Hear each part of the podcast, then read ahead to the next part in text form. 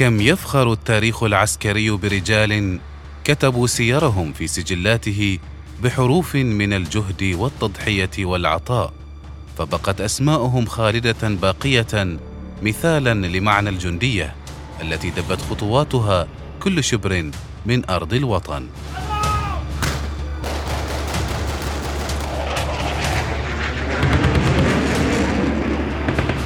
جنود برنامج أسبوعي نتعرف من خلاله على الجنود الذين ضحوا بحياتهم من أجل أوطانهم.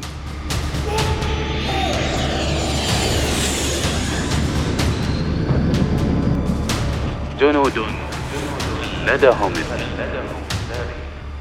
يعده الدكتور هلال بن سعيد الحجري ويقدمه المقدم الركن محمد بن سعيد المشيخي ومن إخراج الوكيل محمود بن خميس الجساسي.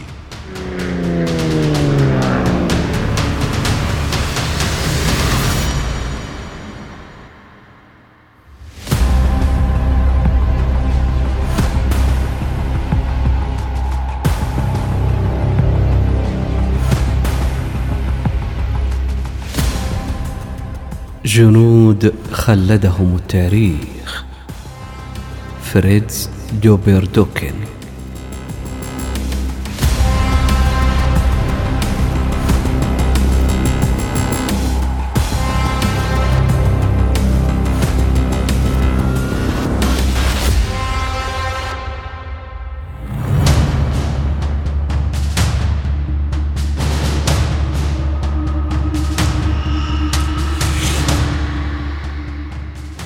فريدز جوبردوكن جندي من جنوب إفريقيا. تجسس لصالح الألمان في حربين عالميتين. بين المعارك كان محتالا ناجحا. بشكل مذهل أخرج نفسه مرارا وتكرارا من مشاكل قانونية متعددة. وهذه قصته.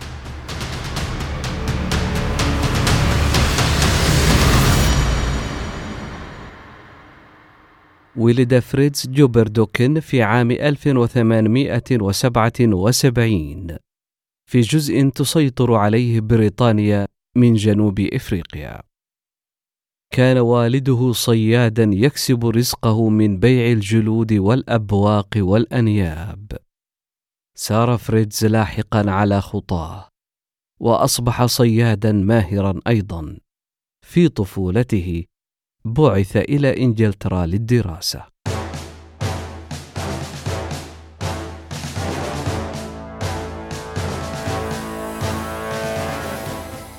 في عام 1899 في سن الثانية والعشرين عاد فريدز إلى جنوب إفريقيا للمشاركة في الحرب الأنجلو بوير الثانية خدمته قدرته على الصيد جيدا في المعركة وأصبح يعرف باسم النمر الأسود.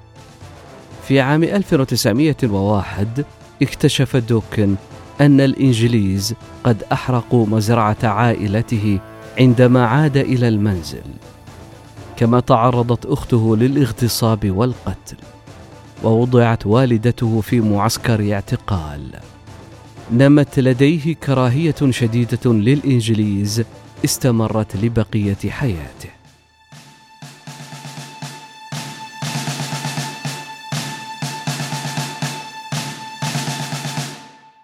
بعد اكتشاف ما حدث لعائلته. صاغ دوكن خطة لقتل اللورد كيتشنر.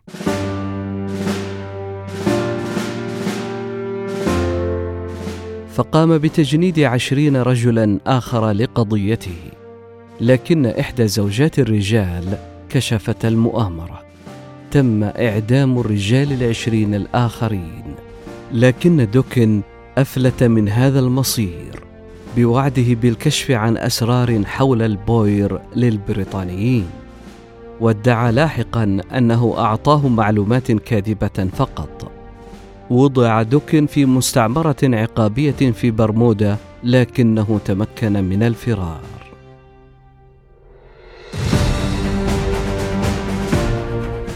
عند هروبه وجد عملا كصحفي في صحيفة نيويورك هيرالد.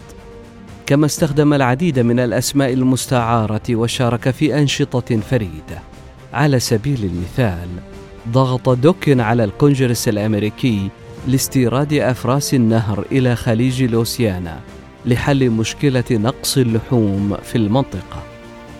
كما عمل دوكن أيضا كمرشد صيد لرئيس الولايات المتحدة روزفلت. بعد لقائه مع رجل صناعي ألماني في عام 1914 أصبح دوكن جاسوسا للألمان. خلال الحرب العالمية الأولى أخذ اسم فريدريك فريدريكس وتظاهر بأنه عالم يقوم بأبحاث على نباتات المطاط. انطلق دوكن إلى ولاية باهيا بالبرازيل وقام بدور نشط في الحرب بقصف وإغراق السفن. أخذ اسمين مستعارين آخرين جورج فوردم وبيت نيكوت. ينسب إليه غرق 22 سفينة بريطانية. ادعى دوكن أن إحدى هذه السفن حملت اللورد كيتشنر عدوه من حرب البوير بعد الصراع ابتكر دوكن شخصية جديدة هي شخصية الكابتن كلود ستوتون. الذي ادعى أنه قائد فوج الخيول الخفيفة الأسترالية الغربية حصل من انتحال هذه الشخصية على دخل جيد وعشق جحافل من المعجبين. في نوفمبر من عام 1917 قبض عليه بتهمة الاحتيال في مجال التأمين. أثناء احتجازه اكتشف أنه عمل لألمانيا خلال الحرب. كانت الخطة هي تسليم دوكن إلى بريطانيا لمواجهة الاتهامات ليهرب من هذا. ادعى حالة الشلل وانتهى به المطاف في جناح السجن في مستشفى بلفيو بعد عامين من الحيلة تمكن من الفرار من خلال انتحال شخصية إمرأة.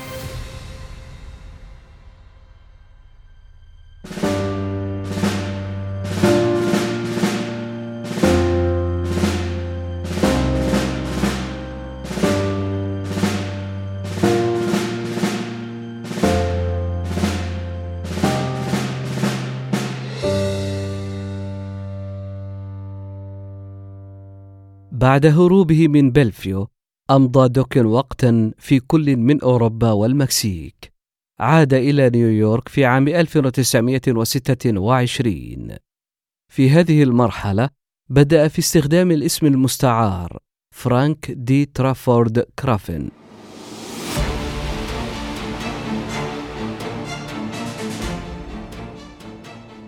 عمل في مكاتب حجز الأفلام التابعة لشركة جوزيف كينيدي في أمريكا كعضو في طاقم الدعاية. ثم انتقل لاحقا إلى شركة كويدلي للنشر. في النهاية قبض على دوكن مرة أخرى. هذه المرة بسبب الوفيات التي حدثت خلال فورة القصف في الحرب العالمية الثانية. مثله المحامي الشهير آرثر غارفيلد هايز خلال محاكمة في عام 1932 أطلق سراح الجاسوس في وقت لاحق من ذلك العام. عندما رفضت إنجلترا توجيه اتهامات بالتفجيرات قائلة إن قانون التقادم قد انتهى.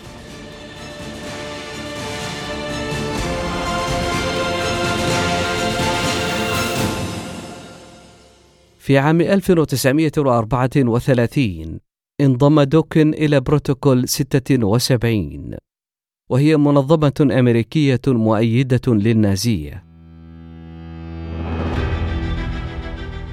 في العام التالي بدأ العمل في إدارة تقدم الأشغال التابعة للحكومة الأمريكية. بدأ دوكن حلقة التجسس الخاصة به والتي نمت في النهاية لتشمل 33 عضوا. لم يكتشف حتى عام 1939 ثم ذهب رئيس مكتب التحقيقات الفيدرالي جيه إدغار هوفر إلى فرانكلين دي روزفلت لشرح الموقف. وبدأ التحقيق مع دوكن لمدة عامين بتهمة التجسس. أخيرا تمكن المكتب من تنفيذ عملية تمويه على دوكن وقبض عليه في عام 1941 لم يكن قادرا على الهروب من الطريقة التي كان عليها في جميع حالاته القانونية الأخرى.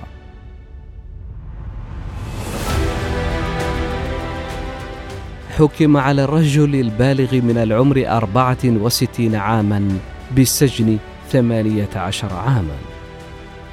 انتهى الأمر بفريدز جوبر دوكن بقضاء أربعة عشر عاما من تلك السنوات في السجن وأطلق سراحه مبكرا بسبب تدهور صحته وتوفي في عام 1956 عن عمر يناهز 78 عاما.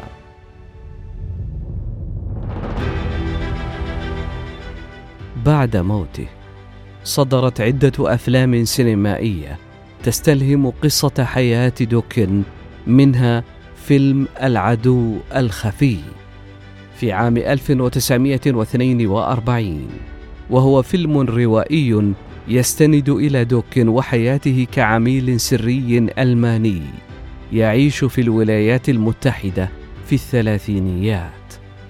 وهكذا أصبح جوبر دوكن من الجنود. الذين خلدهم التاريخ.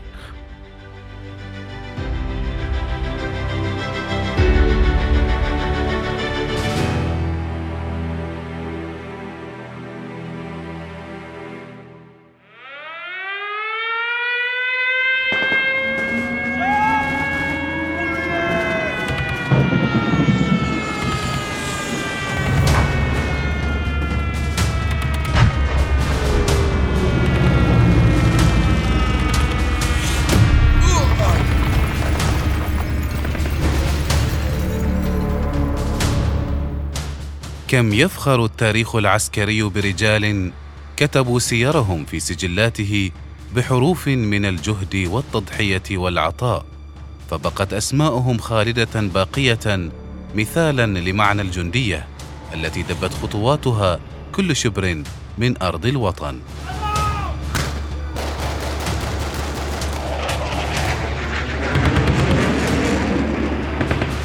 جنود برنامج أسبوعي نتعرف من خلاله على الجنود الذين ضحوا بحياتهم من أجل أوطانهم.